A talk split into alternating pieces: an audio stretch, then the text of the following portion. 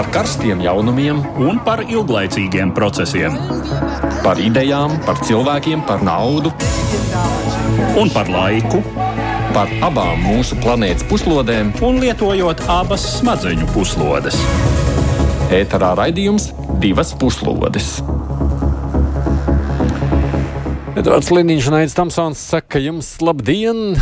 Ir laiks pievērsties starptautiskajām aktualitātēm, ko mēs ik nedēļu arī šajā laikā darām.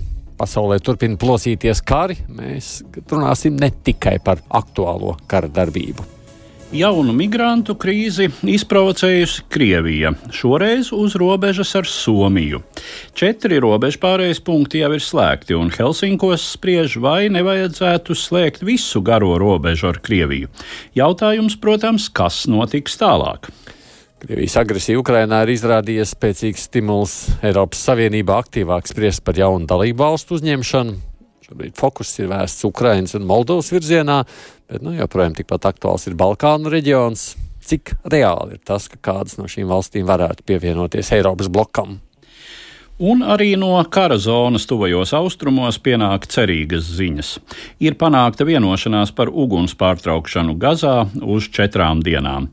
Ar šo tēmu tad arī sāksim. Šorīt agri no rīta pasaules mediji izplatīja ziņu, ka Izraels valdība pēc apmēram sešu stundu ilgām un visai kaismīgām debatēm pieņēmusi vienošanos ar teroristisko organizāciju Hamas.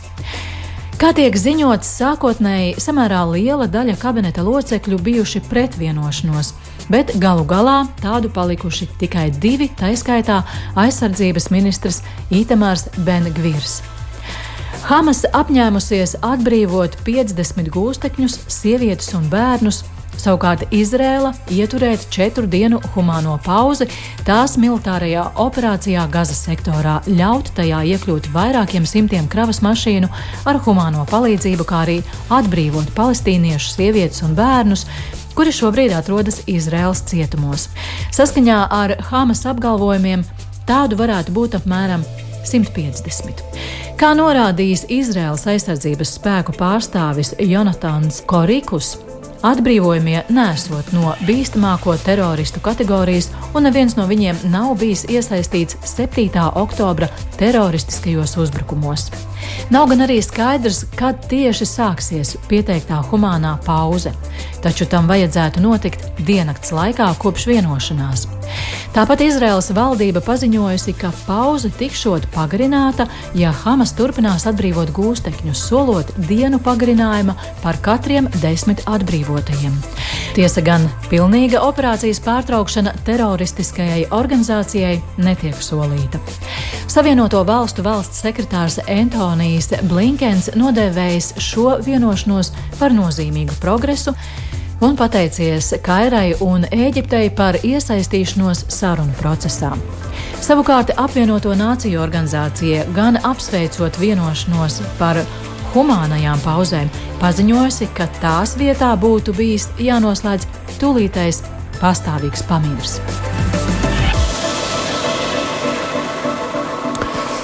No Briseles divu puslošu studijai šodien ir pieslēgusies ārpolitikas institūta jaunākā pētniece Aleksandra Palkova. Labdien, Aleksandra! Labdien! Nu, un, jā, ar mums vīrusu sezonas dēļ arī attālināti šajā stundā būs bijusī politiķa un iekšlietu ministra. Tagad viņa ir Eiropas politikas analīzes centra pētniece Marija Golubeva. Labdien! Labdien! Kā jūs vērtējat šo nu, vienošanos par četru dienu pamieru, Aleksandrs? Mazliet sāksim ar gazu. Un zinām? Nu, absolūti. No vienas puses mēs varam runāt, ka tas ir progress, ņemot vērā situācijas nopietnību un to, ko mēs esam vērojuši pēdējā mēneša laikā un kopumā. Runājot par šo situāciju arī gadu laikā, un jā, izskan runas par to, ka pamieru noslēgšana ir būtu, ir būtu bijis tas ceļš, uz kuru būtu jāiet, tomēr apzinoties situācijas nopietnību, šobrīd nonākot pie risinājuma, kas ir humanitārā pauze, par kas ir arī noslēgta. Tas ir vērtējums kā progresa solis, kas var vest uz šo te pamieru noslēgšanu tālāk, ņemot un apzinoties arī to, kas šobrīd vēl aizvien pastāv starp Izraēlu un Palestīnu. Es domāju, ka te ir arī vērts atzīmēt absolūti Eģiptes lomu kā starpniekam un, un arī Eiropas Savienības un, un, un ASV iesaisti, kas ir novedis pie šī te humanitārās pauzes noslēgšanas. Un, ja mēs kopumā runājam par pamieru noslēgšanu, tad ir arī jāapzinās, ka analizējot Izraels situāciju pagātnē, tad mēs esam redzējuši daudzus pamierus, un neviens no šiem pamieriem, diemžēl, nav pastāvējis ilgu laiku. No šīs arī nav zināms, vai būs viss četras dienas, ja? tās bažas ir tādas. Es teiktu, ka mēs drīzāk varam runāt par divām lietām dažādi. Viena, kas ir humanitārā pauze, kas ir noslēgta uz, uz šīm te četru stundu, četru dienu pauzi, un pat tā ir viena dimensija, un otra tas ir pats pamiers. Um, ja mēs runājam par pamieru noslēgšanu, tad ir jautājums par tālākām ilgspējīgām sekām, ka tomēr ir jārisina par tām iekšējām problēmām, kas, kas nav vēl aizvien atrisinātas, ja pat mēs uh, izējām uz pamieru noslēgšanu, ka problēmas, kas šobrīd atrodas šī konflikta iekšpusē ir daudz dziļāks un daudz dimensionāls, kuras, diemžēl, pēdējā gada laikā mēs esam redzējuši, ka nav bijis iespējams atrisināt. Attiecīgi pastāv diezgan liela riski par to, ka arī pamieris, kas šobrīd tiek noslēgts, var būt lausts. Nē, nu skaidrs, ka šis arī, protams, pat nav pamieris. Ne, vai viņu var saukt par pamieru? To, tas netiek saukts Jā, par pamieru. Tā tiek saukta par humanitāro, jeb humāno, manuprāt, pareizi jau būtu saukt par humāno pauzi. Uh, jā, nu tā tad uh, aktīvas kardarbības pārtraukšana. Nevelti tas termiņš ir iezīmēts visnotaļ īss. Un, jā, tas netiek dēvēts par pamieru. Galvenais kundze, kādas jums sajūtas, lasot šīs ziņas? Nu, protams, tas ir tas, ko daļa Izraēlas sabiedrības prasīja, manuprāt, no pirmās gandrīz dienas pēc um, 7. oktobra briesmīgiem notikumiem. Vispirms dabūt mājās uh, ķīlniekus. Um, Izraels valdībai um, tā nebija viegla izvēle bez šaubām, jo no vienas puses tas nozīmē slēgt uh, kaut kādu vienošanos, vienalga cik izlaicīgu ar teroristiem, kas uh, šos briesmīgus noziegumus uh, pēc būtības arī ieplānoja ļoti augstasinīgi un pēc tam iztenoja, bet no otras puses, protams, ja mērķis bija vispirms atbrīvot ķīlniekus, tad droši vien sakt ar operāciju Gazā nu, nebija tas, uh, tas īsākais ceļš uz šo mērķi. Um, Izraēlai tā ir runa par savu valsts izdzīvošanu. Un eh, tāpēc es domāju, ka mēs šajā gadījumā mums ir darīšana ar situāciju, kur nav laba stratēģija. Jo uh, stratēģija vispirms atbrīvot, uh, vienoties par, par ķilnieku atbrīvošanu, un pēc tam domāt, ko darīt ar teroristu visādām infrastruktūrām Gazas joslā, ir viens variants, un tas nebūtu no Izraels iedzīvotāju, daudz iedzīvotāju redzes punkta, tas netiktu uzskatīts par pietiekoši Eh, spēka apliecinājumu, apņemības apliecinājumu. No otras puses, um, tas, ka, kā tas notiek un notika, pēc būtības eh, liecina par to, ka nu, izdosies, ja viss eh, šoreiz beigsies ar šo vienošanos veiksmīgi, izdosies atbrīvot daļu ķīlnieku, bet ne tuvu, ne visus un pat ne lielāku daļu, un mēs nezinām, kas būs tālāk un cik daudz no viņiem vēl joprojām ir dzīvi. Um, tā kā um, kā jau teicu, ir situā, šī ir situācija, kad nav īsti nevienas tādas simtprocentīgi pareizas stratēģijas. Nu, 50 vispār ir maz, vai ne? Eduard, tas skaitlis jau ir. 50 ir uh, mazāk uh, nekā ceturtā daļa.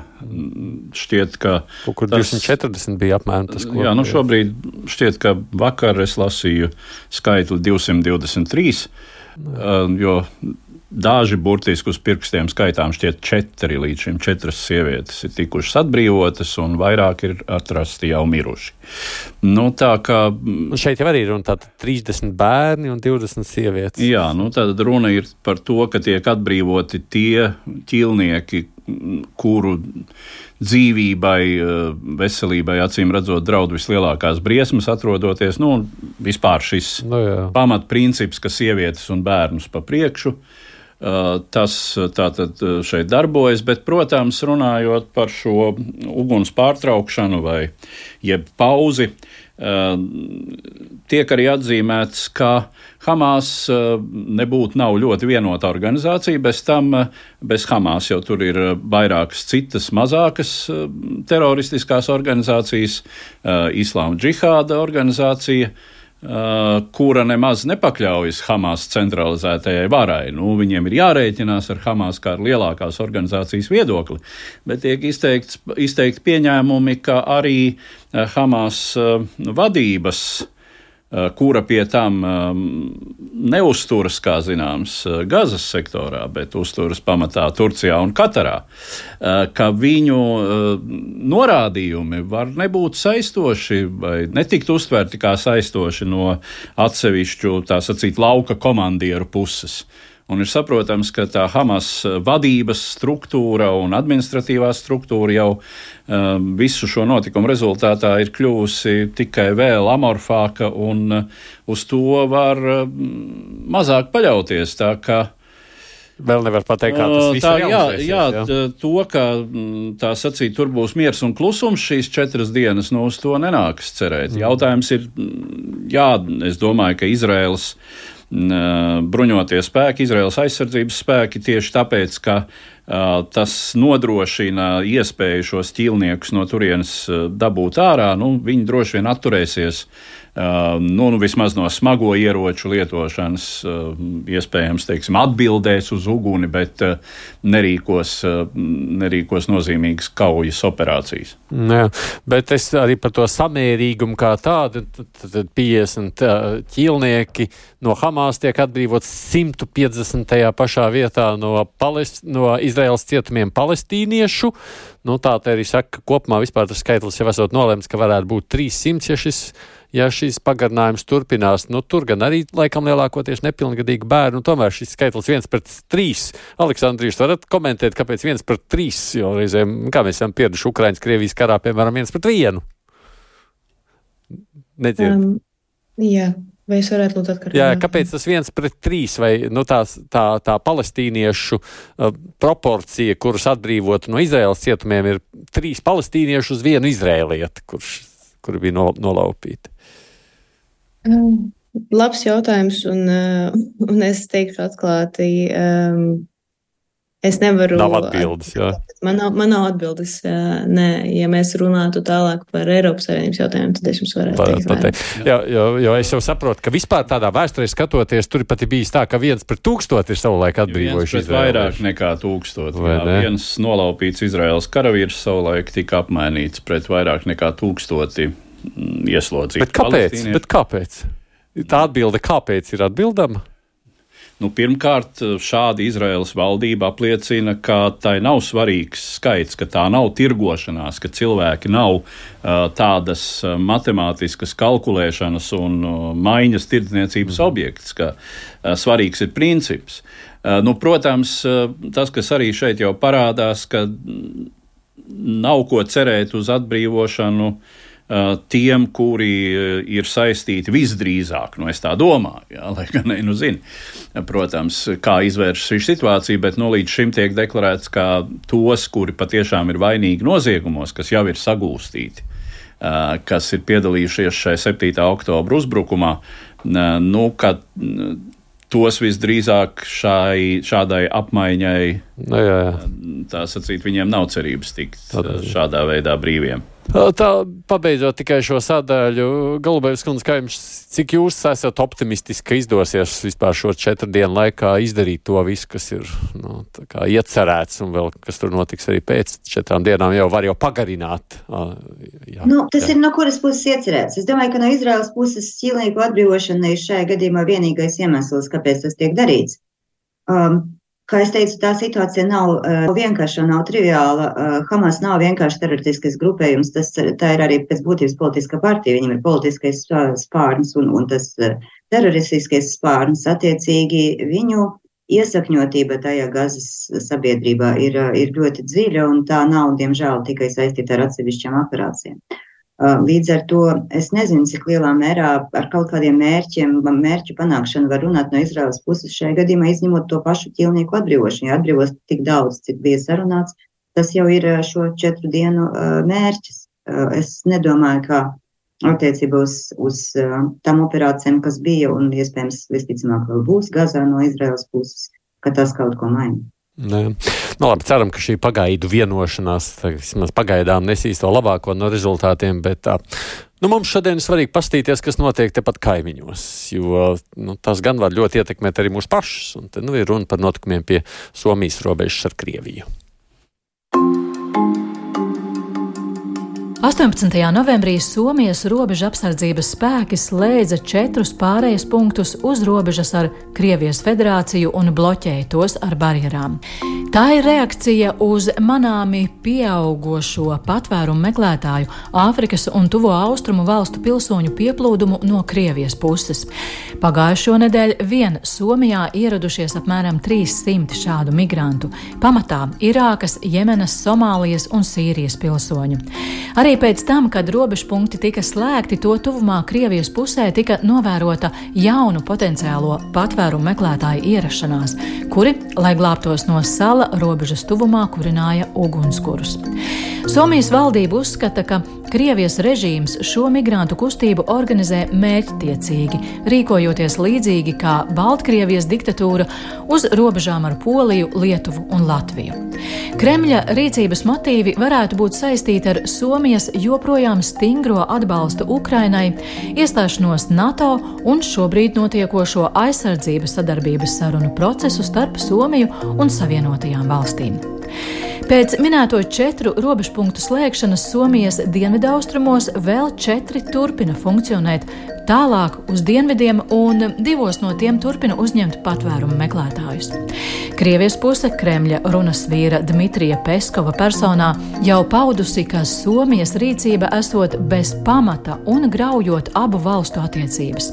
Visbeidzot, vakar viens no vadošajiem Somijas laikrakstiem, Ilta Sanomat, ziņoja, ka valdība gatavojoties pilnīgi slēgt robežu ar austrumu kaimiņu un pulcēšoties attiecīgā sanāksmē tik līdz šis lēmums būšot sagatavots.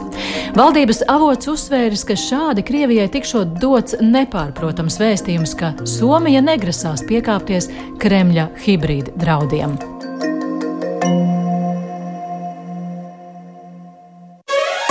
divas puslodes. Nāksies Somijam Galbevs kundze slēgt robežu, jūsuprāt? Nu, pēc būtības tas jau ir, tas, tas process jau notiek, jā, vēl nav, vēl nav pilnībā slēgta robeža, bet viss uz to iet.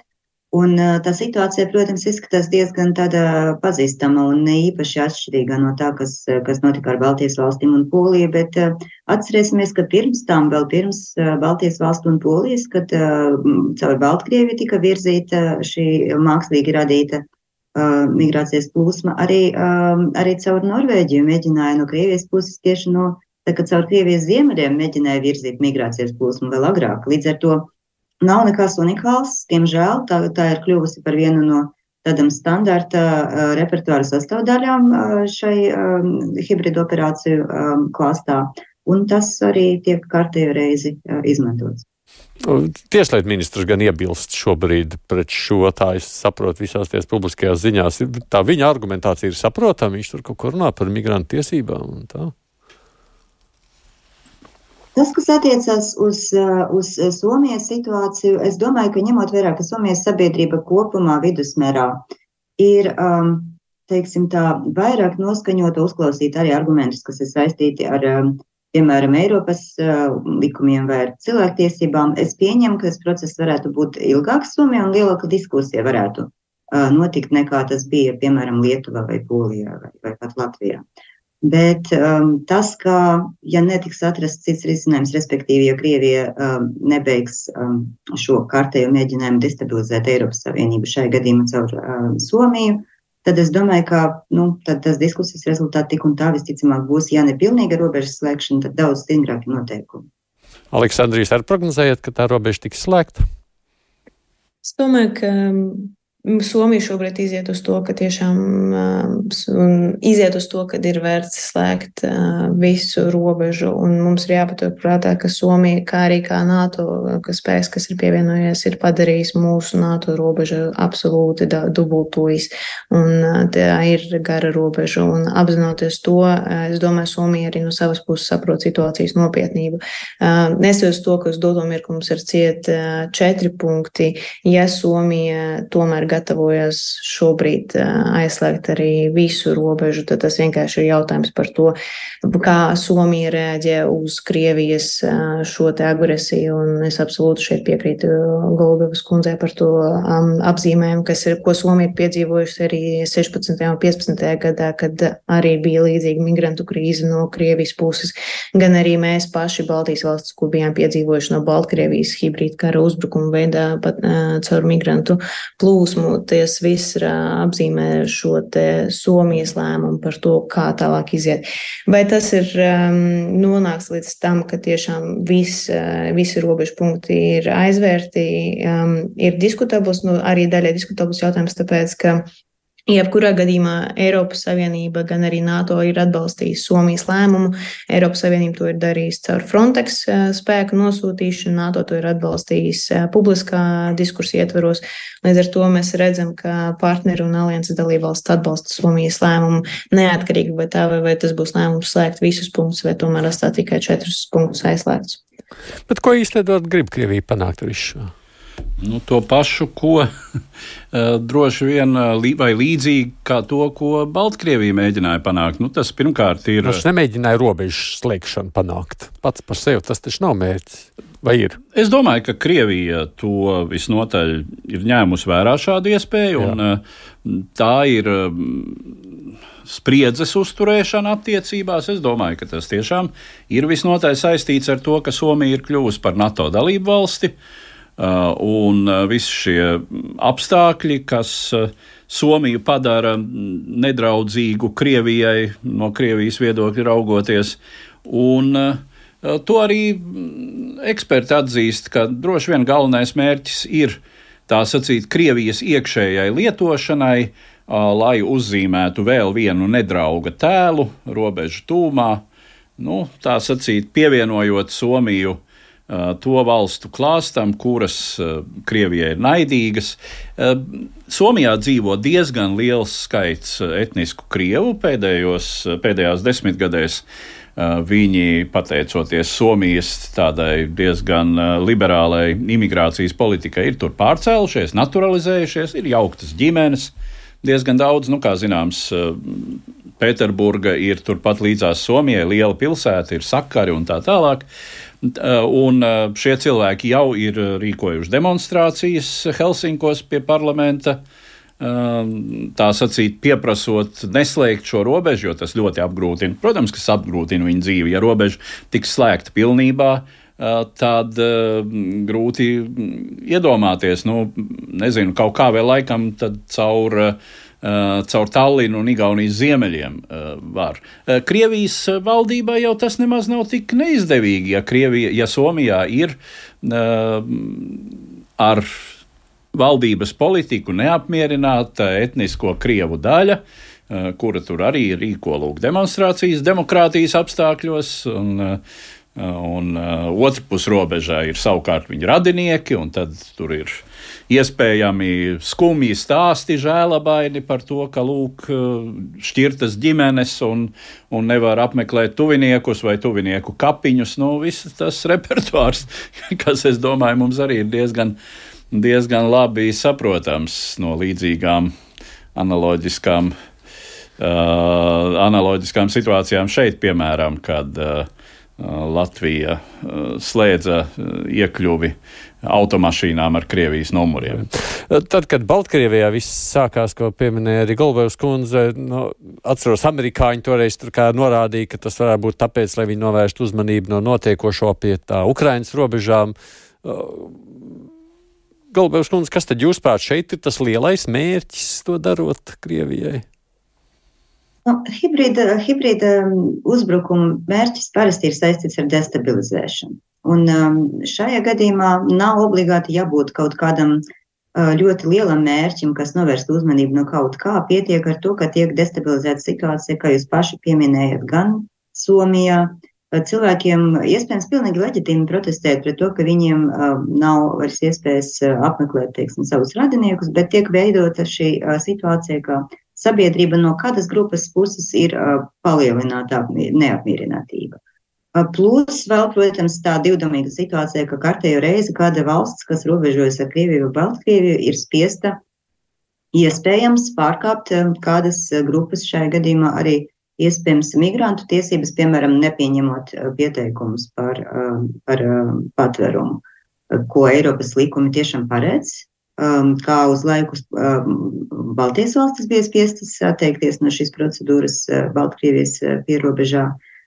Polija vispār atteicās no pieņemt no, no cilvēkiem, kas kādreiz nelikumīgi šķirs, šķērsojuši to robežu. Un tas pēc būtības nu, samazina ticību tai kārtībai, sistēmai, kas pastāv Eiropas Savienībā attiecībā uz cilvēktiesībām, attiecībā uz likuma vāru. Jo, lūk, jums nākas veidot visādas, visādas izņemumus, kas nedaudz diskreditē to visu sistēmu. Un tas tā ir domāts. Tas ir domāts, lai diskreditētu demokratisku likumvaras, balst, likumvarā balstīto sistēmu, kas, kas ir Eiropas Savienībā, lai uh, to destabilizētu. Aleksandrs, izdodas viņiem to mērķi sasniegt, destabilizāciju, diskreditāciju? Es domāju, tas ir atkarīgs no tā, kā mēs to vēlamies pagriezt un vērtēt. Un es eh, varbūt vēl, vēl gribētu piebilst, ka absolūti Krievija ir brīdinājusi Somiju, un tas ir ne tikai Eiropas Savienības ietverā, bet ir brīdinājusi Somiju par pievienošanos NATO, ka, ja Somija pievienosies NATO, tad uh, to sagaida nopietnas militārās un politiskās sekas. Un tas ir viens no aspektiem, kāpēc šobrīd tas, ko mēs redzam uz robežas, ir tas, kas, eh, ko Krievija dara. Ja mēs runājam par uh, vai Krievijai izdotos destabilizēt Eiropas Savienību, es domāju, ka tas ir pārāk plaši un skaļi teikts. Es uzskatu, ka uz doto mirkli mēs redzam absolūti vienojošu Eiropas Savienību retoriku ļoti daudzos jautājumos. Vai tas ir runājot par paplašināšanos, vai tas ir runājot par nākošā gada vēlēšanām.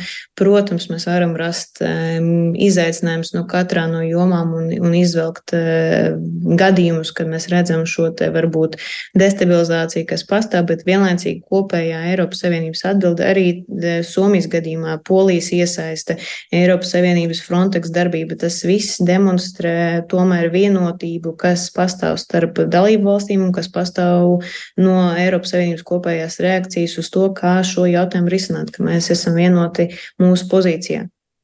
Jo, redz, mums jau tad, kad uh, Polijā tas viss notika, un man Mēs, man liekas, arī paši diskutējām un spriedām par to, nu, ka nu, nu, droši vien taču neizdodas Lukašenko to, ko viņš varbūt bija sākotnēji domājis, ka varbūt izdosies tur pāri robežai, varbūt tā situācija būs dramatiskāka. Tu atceries, pūļi tur turmēja to robežu, viss toreiz notika.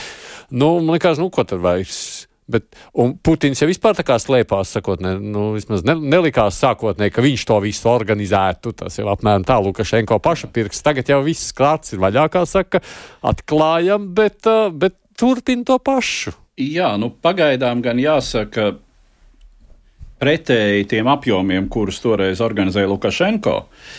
Tas, kas šobrīd notiek uz Somijas robežas, no paša Somu komentētāja puses, izskan, ka nu, tas vēl pagaidām, nu, tie vēl, vēl pagaidām ir tādi ziediņi.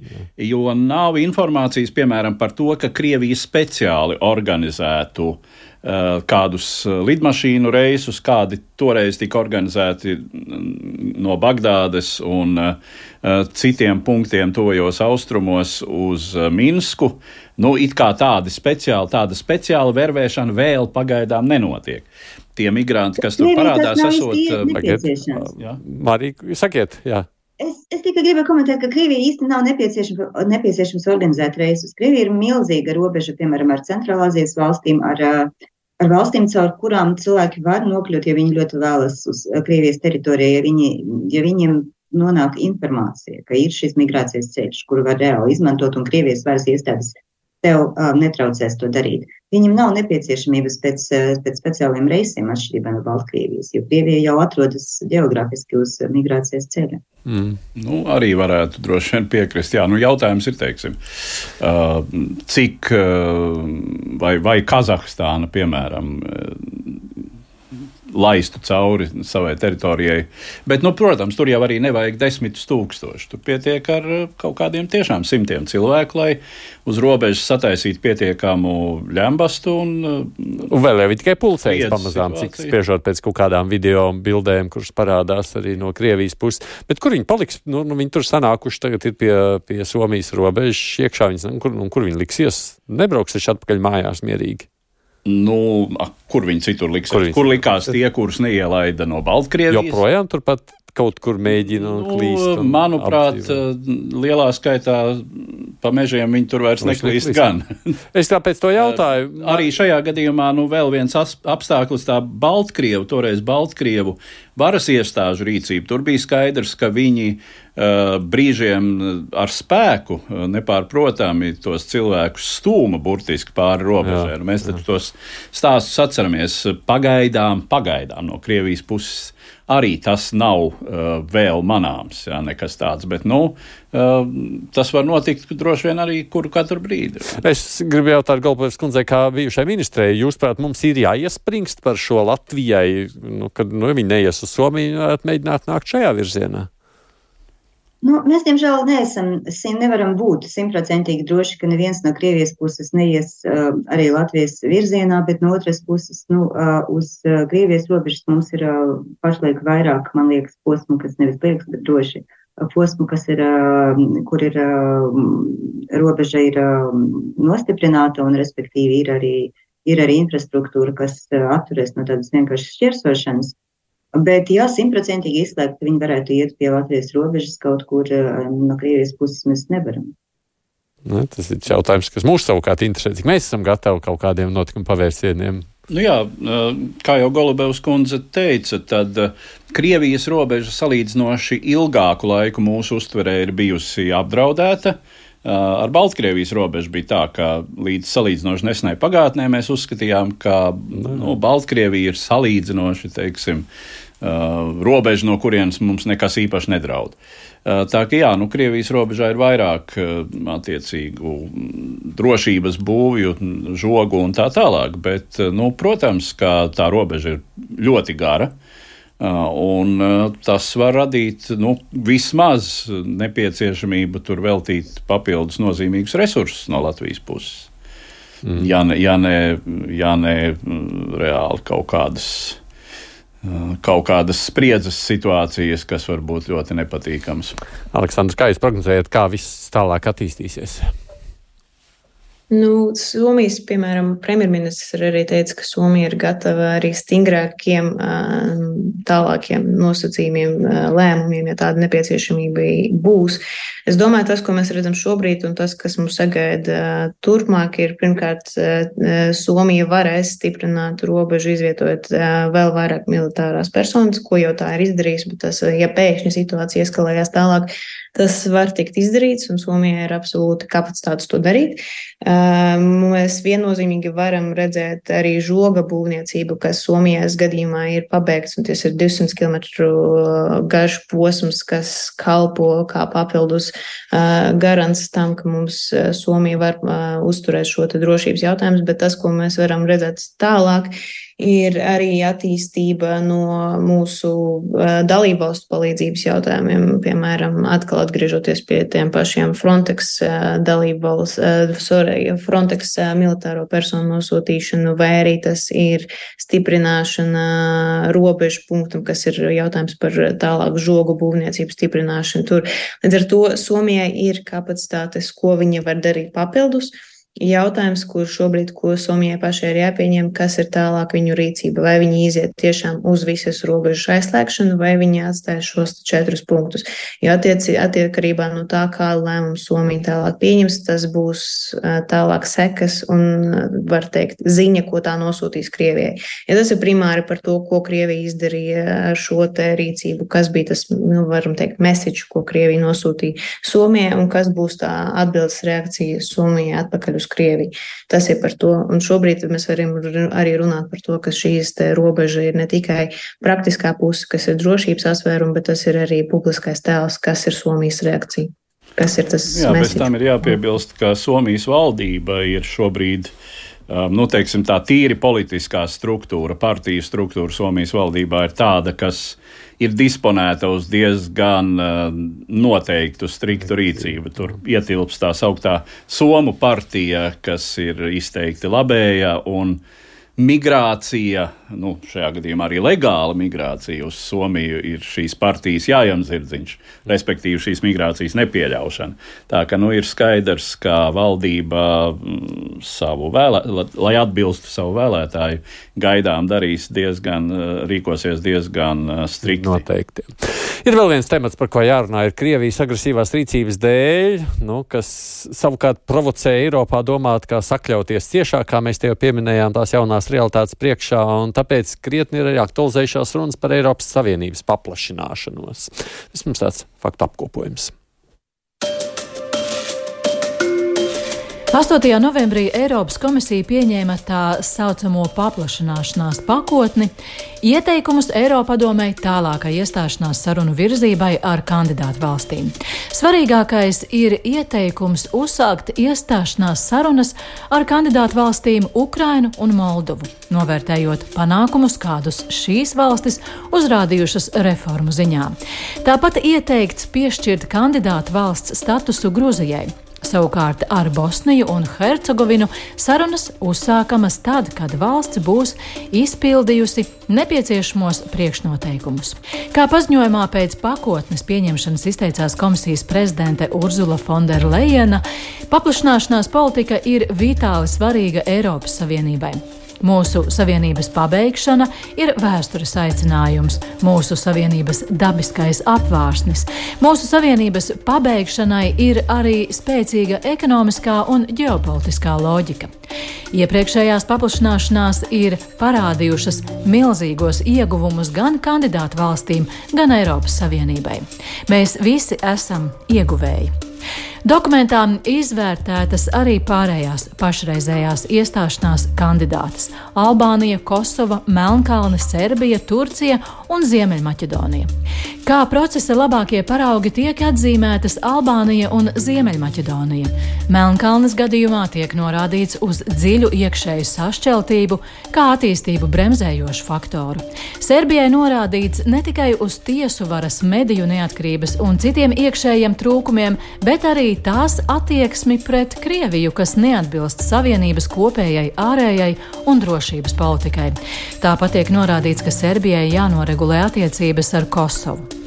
Turcija tiek nodēvēta par joprojām būtisku savienības partneri, taču tiek konstatēts, ka iestāšanās sarunas paliek iesalušas kopš 2018. gada, un Turcija turpina virzīties prom no Eiropas Savienības.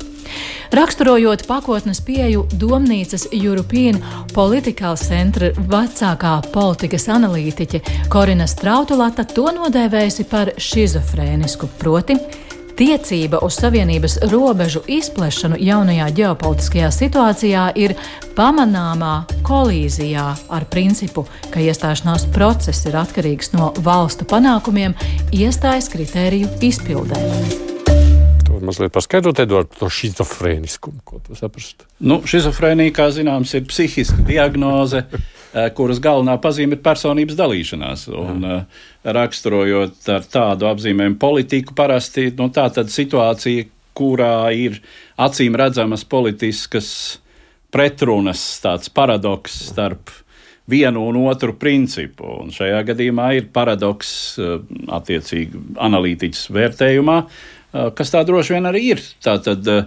jautājums par to, mm, vai eh, kas ir, kas ir nozīmīgākais. Jo pašreizējā mm, ģeopolitiskā situācija mm, kopš Krievijas agresijas kara sākuma liek no vienas puses uzņemt valstis tāpēc, lai tās nepaliktu kaut kādā ģeopolitiski pelēkajā zonā, kas -hmm. kopš šī uzbrukuma Eiropā tiek saprasts kā nopietns draudz, kas līdz tam tā īsti nebija tādā uh, politiskā domāšanā, un uh, no otras puses nav atcelts tas, ka šīm valstīm ir jāizpilda noteikti kritēriji. Uh, Ukrainas gadījumā, starp citu, runājot ar uh, ukraiņu kolēģiem un arī klausoties to, ko viņi saka, tas visu laiku izskan šis um, nu, tāds retoriskais vaicājums. Mēs taču maksājam ar asinīm par Eiropas, tā izskaitā drošību un Eiropas vērtībām. Kāpēc no mums tiek prasīts vēl, vēl kaut, kaut kas? kas Edu, uh, paplašināšanās tiešām notiks jūsuprāt, Aleksandrs? Es domāju, ka patiesībā sakot, es uzskatu, ka paplašināšanās notiks. Un tas, ko mēs dzirdējām tikko patiesībā tajā gabalā no, no kolēģis um, par šizofrēniju, ne tikai, um, es vēlētos arī to mazliet paskaidrot. Tas, par ko ir runa, ir, ka ļoti 27 dalībvalstis iekšē diskutē par to, kādā veidā tā paplašināšanās notiek. Ja viņi notiks, jautājums ir par to, kas būs tas process. Un uh, viena puse spēlētāja dalībvalsts atzīst, ka ir jāuzņem valstis tik līdz tās sasniedz kopīgi Kopenhāgenes kritērijas, tas nozīmē soli pa solim. Tiklīdz kāda valsts sasniedz un izpild visus kritērijus, mēs viņu uzņemam Eiropas Savienībā.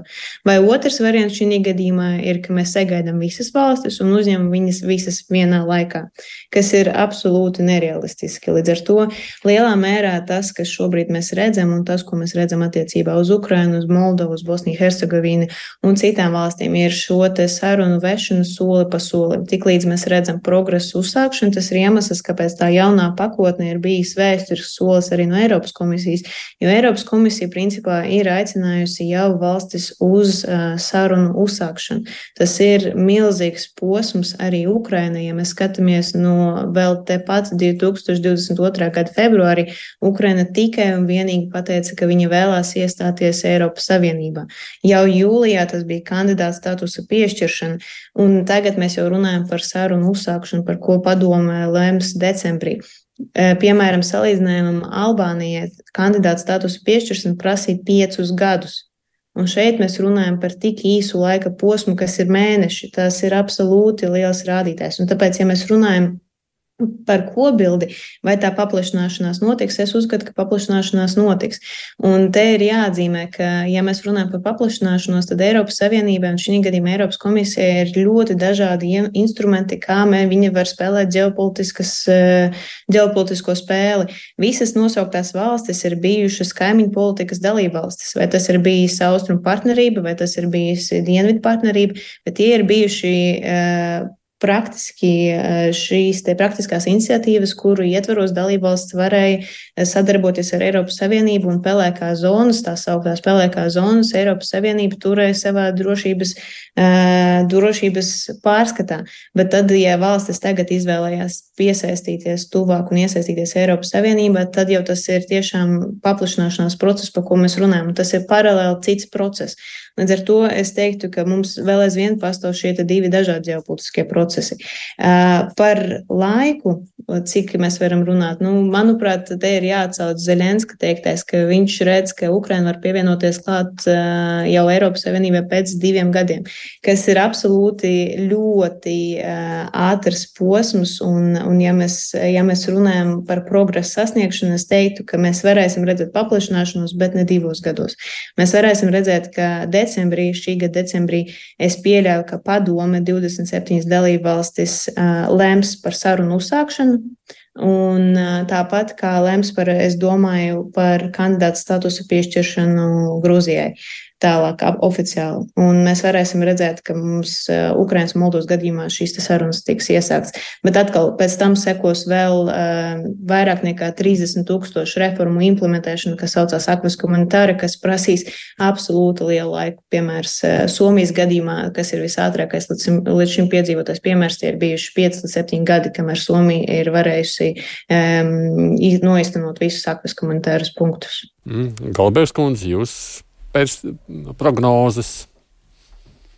Nu, pilnīgi noteikti divi gadi tie nebūs. Un um, jebkurš Eiropā, ar kuru es esmu runājis par šo jautājumu, es domāju, esošais dalību valstīs uh, norāda uz to, ka, uh, protams, ir uh, visādi arī labi iemesli politiski, kāpēc Ukraina uh, reizēm piemin šo um, superātri iestāšanas uh, timeline, tā teikt, bet, nu, realitātē, uh, skatoties uz to, ko, piemēram, domā gan domnīcu eksperti, gan ārlietu ministrijas pārstāvi Vācijā. Esmu runājusi arī ar, ar Francijas pārstāvjiem, ar dažu citu Eiropas valstu pārstāvjiem. Mans iespējas būtu, ka neviens īsti nesagaida, ka tas būs pātrināts iestāšanas, jeb integrācijas posms.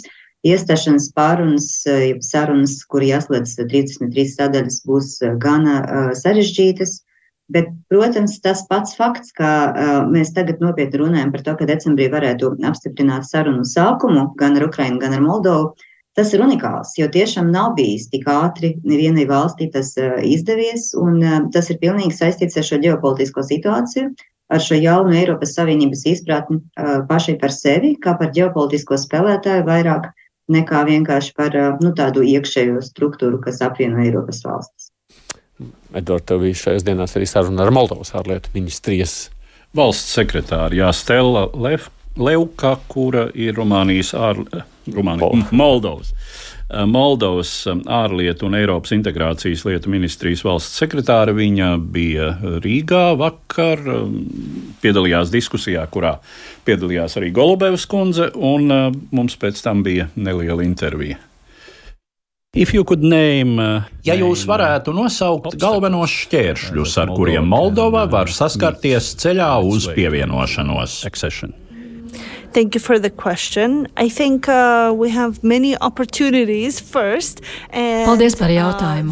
Es domāju, ka vispirms mums ir daudz iespēju, un tas pirmkārt uh, ir daudzu dalību valstu atbalsts. Mums ir ļoti paveicies. Mums ir atbalsts kā politisko paziņojumu, tā dalību valstu kompetences ziņā. Un mēs to ļoti novērtējam. Bet patiešām ir daži izaicinājumi.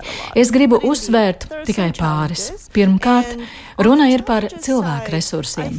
Eiropas integrācija ir ļoti resursu ietilpīgs process, un tas nozīmē ne tikai naudu, bet galvenokārt cilvēkus.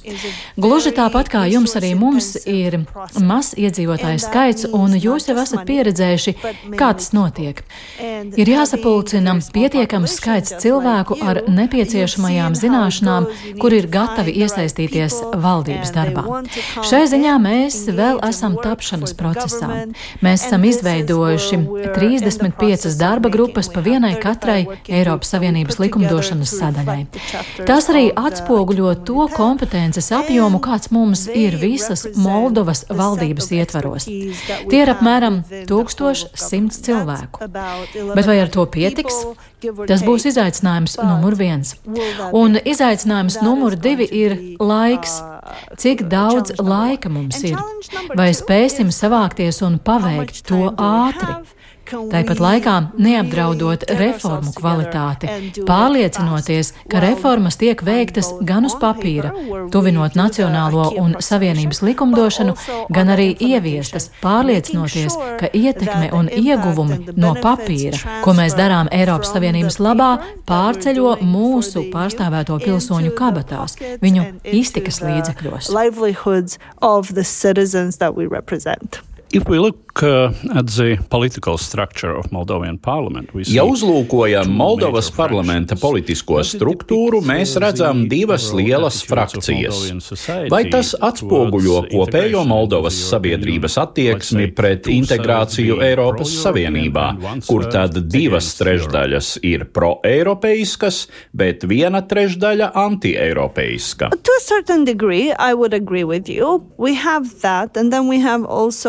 Zināmā mērā es jums piekrīstu. Mums ir šis parlamenta un prezidentas mandāts, bet ir arī sabiedriskās domas aptaujas. Divas trešdaļas patiešām atbalsta iestāšanos Eiropas Savienībā, bet tas nenozīmē, ka pārējie to neatbalsta. Tas tiešām nozīmē tikai to, ka viņi vēl nesaprot, vai arī mēs kā valdība joprojām neveicam savu darbu diezgan labi, lai pastāstītu viņiem, kas ir Eiropas Savienība. Piemēram, Mums ir neliels Gagauzijas autonomais reģions. Šobrīd viņi nav starp parlamenta divu pro-eiropeisko trešdaļu vēlētājiem. Autonomijas iedzīvotāji galvenokārt ir krievalodīgie, taču viņi ir lielākie ieguvēji no Eiropas Savienības programmām un palīdzības. Bet viņi šo atbalstu nesaista ar kaut ko, ko sniedz Eiropas Savienība. Tas ir viens no paradoksiem, ar kuriem mums ir jāstrādā. Es domāju, ka mums vienkārši vienkārši jāatrod veidi, kā parādīt mūsu iedzīvotājiem, kas ir Eiropas Savienība. Kā parādīt viņiem, ka tad, ja viņi var saņemt Moldovas pasi un ar to lidmašīnā, vilcienā vai savā auto doties uz jebkuru vietu Eiropas Savienībā, vai arī tas, ka viņi var pārdot savus ābolus trīs reizes vai četreiz dārgāk nekā līdz šim pārdeva uz austrumiem, ka tas ir ieguvums no Eiropas Savienības. Es domāju, ka šeit mums vienkārši jāstrādā nedaudz labāk, un tad arī skaitļi rādīs citu ainu. Diskusijas laikā jūs arī minējāt, ka Moldovas pievienošanās Eiropas Savienībai varētu mainīt attieksmi Piedņestras reģionā un iespējams veicinātu šīs atdalītās teritorijas atkal integrāciju Moldovā. Bet kā jūs redzat šīs integrācijas procesu? Un vai tā nerada lielus riskus demokrātisko procesu kvalitātes un Moldovas kopējās ģeopolitiskās orientācijas ziņā? There is a whole bureau for reintegration of the country led by uh, a deputy prime minister. Pastāv vesels valsts reintegrācijas birojas, ko vada vicepremjers. Uh, Tieši tāpēc, ka mēs saprotam, cik svarīgi svarīgs ir šis jautājums. Jūsu izvirzītie jautājumi ir pilnīgi pamatoti. Jo jā, Piedņestras reģionā ir vairāk nekā 300 tūkstoši cilvēku, kuri ir dzimuši Moldovas pilsoņi. Mēs šai ziņā viņus nekāda nešķirojam. Šobrīd mēs pieredzam, ka pamazām pieaug to Piedņestras iedzīvotāju skaits, kuri vēlas iegūt Moldovas identitātes kartes un pases. Mēs to uztveram kā drīzāk pozitīvu parādību.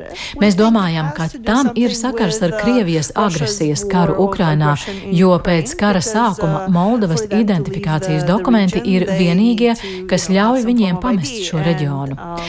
Bet patiesi tas ir ļoti sarežģīts jautājums. Viņi joprojām ir atkarīgi no Krievijas gāzes, kuru saņem par ļoti zemu cenu, salīdzinot ar to, kuru mēs maksājam upes otrā pusē. Tie ir arī cilvēki, kuri apmēram 30 gadus ir dzīvojuši nepārtrauktas smadzeņu skalošanas un dezinformācijas apstākļos. Nav skaidrs, par ko viņi balsotu, ja viņi kļūtu par Moldovas pilsoņiem. Bet es varu droši teikt, ka pēdējo prezidenta vēlēšanu laikā no tiem apmēram 14 tūkstošiem Piedņestras iedzīvotāju, kuri ieradās un balsoja Moldovas teritorijā, absolūtais vairākums nobalsoja par pašreizējo prezidenti Māju Sandu. Tātad prodemokrātiski, proeiropeiski. So pro-democratic, pro-European. Dažā pāris minūtes tikai palikuši. Galbēvs kundze, ko jūs sakāt par Moldovas izredzēm?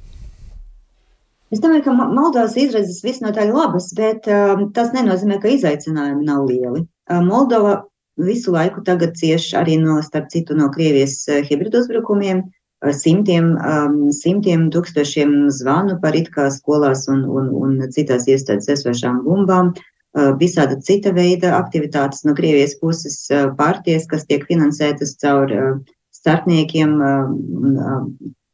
kas pārstāv Krieviju tuvas intereses, un, piemēram, tajā paša Gagaūzie, ko pieminēja intervija valsts sekretāra, notiek nepārtraukti darbība, lai iedzīvotāji būtu negatīvi orientēti pret Eiropas Savienību un ticētu, ka Eiropas Savienība sagraus visu un, un būs tikai slikti. Uh, respektīvi, Moldovai ir ļoti daudz jāiegulda ne tikai tajā procesā, kas saucas par, par iestāšanās un integrācijas procesu, kas attiecas uz Eiropas Savienības likumdošanu un valsts pārvaldes reformu, kur ir ļoti daudz darams dēļ cilvēku trūkuma, ko arī pieminēja valsts sekretāre, bet arī jāiegulda cīņa pret dezinformāciju un pret hibridu draudiem, un tas nav vienkārši.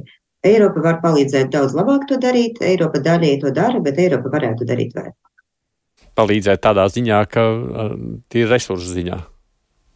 Ne tikai resursu, arī kompetences ziņā, kā arī pieminēja Stela Leuka, ka ir nepieciešams, lai valstis, kas var palīdzēt, palīdz arī ar kompetenci. Šajā jomā, hibrida apdraudējuma atver, kā, nu, novēršanas jomā, pēc būtības ir Tā ir viena no jomām, kur noteikti sadarbībā ar, ar Eiropas valstīm, kuras, kuras ir NATO dalība valstis, kuram ir pieredze ar šiem jautājumiem, ir, ir ļoti būtiska.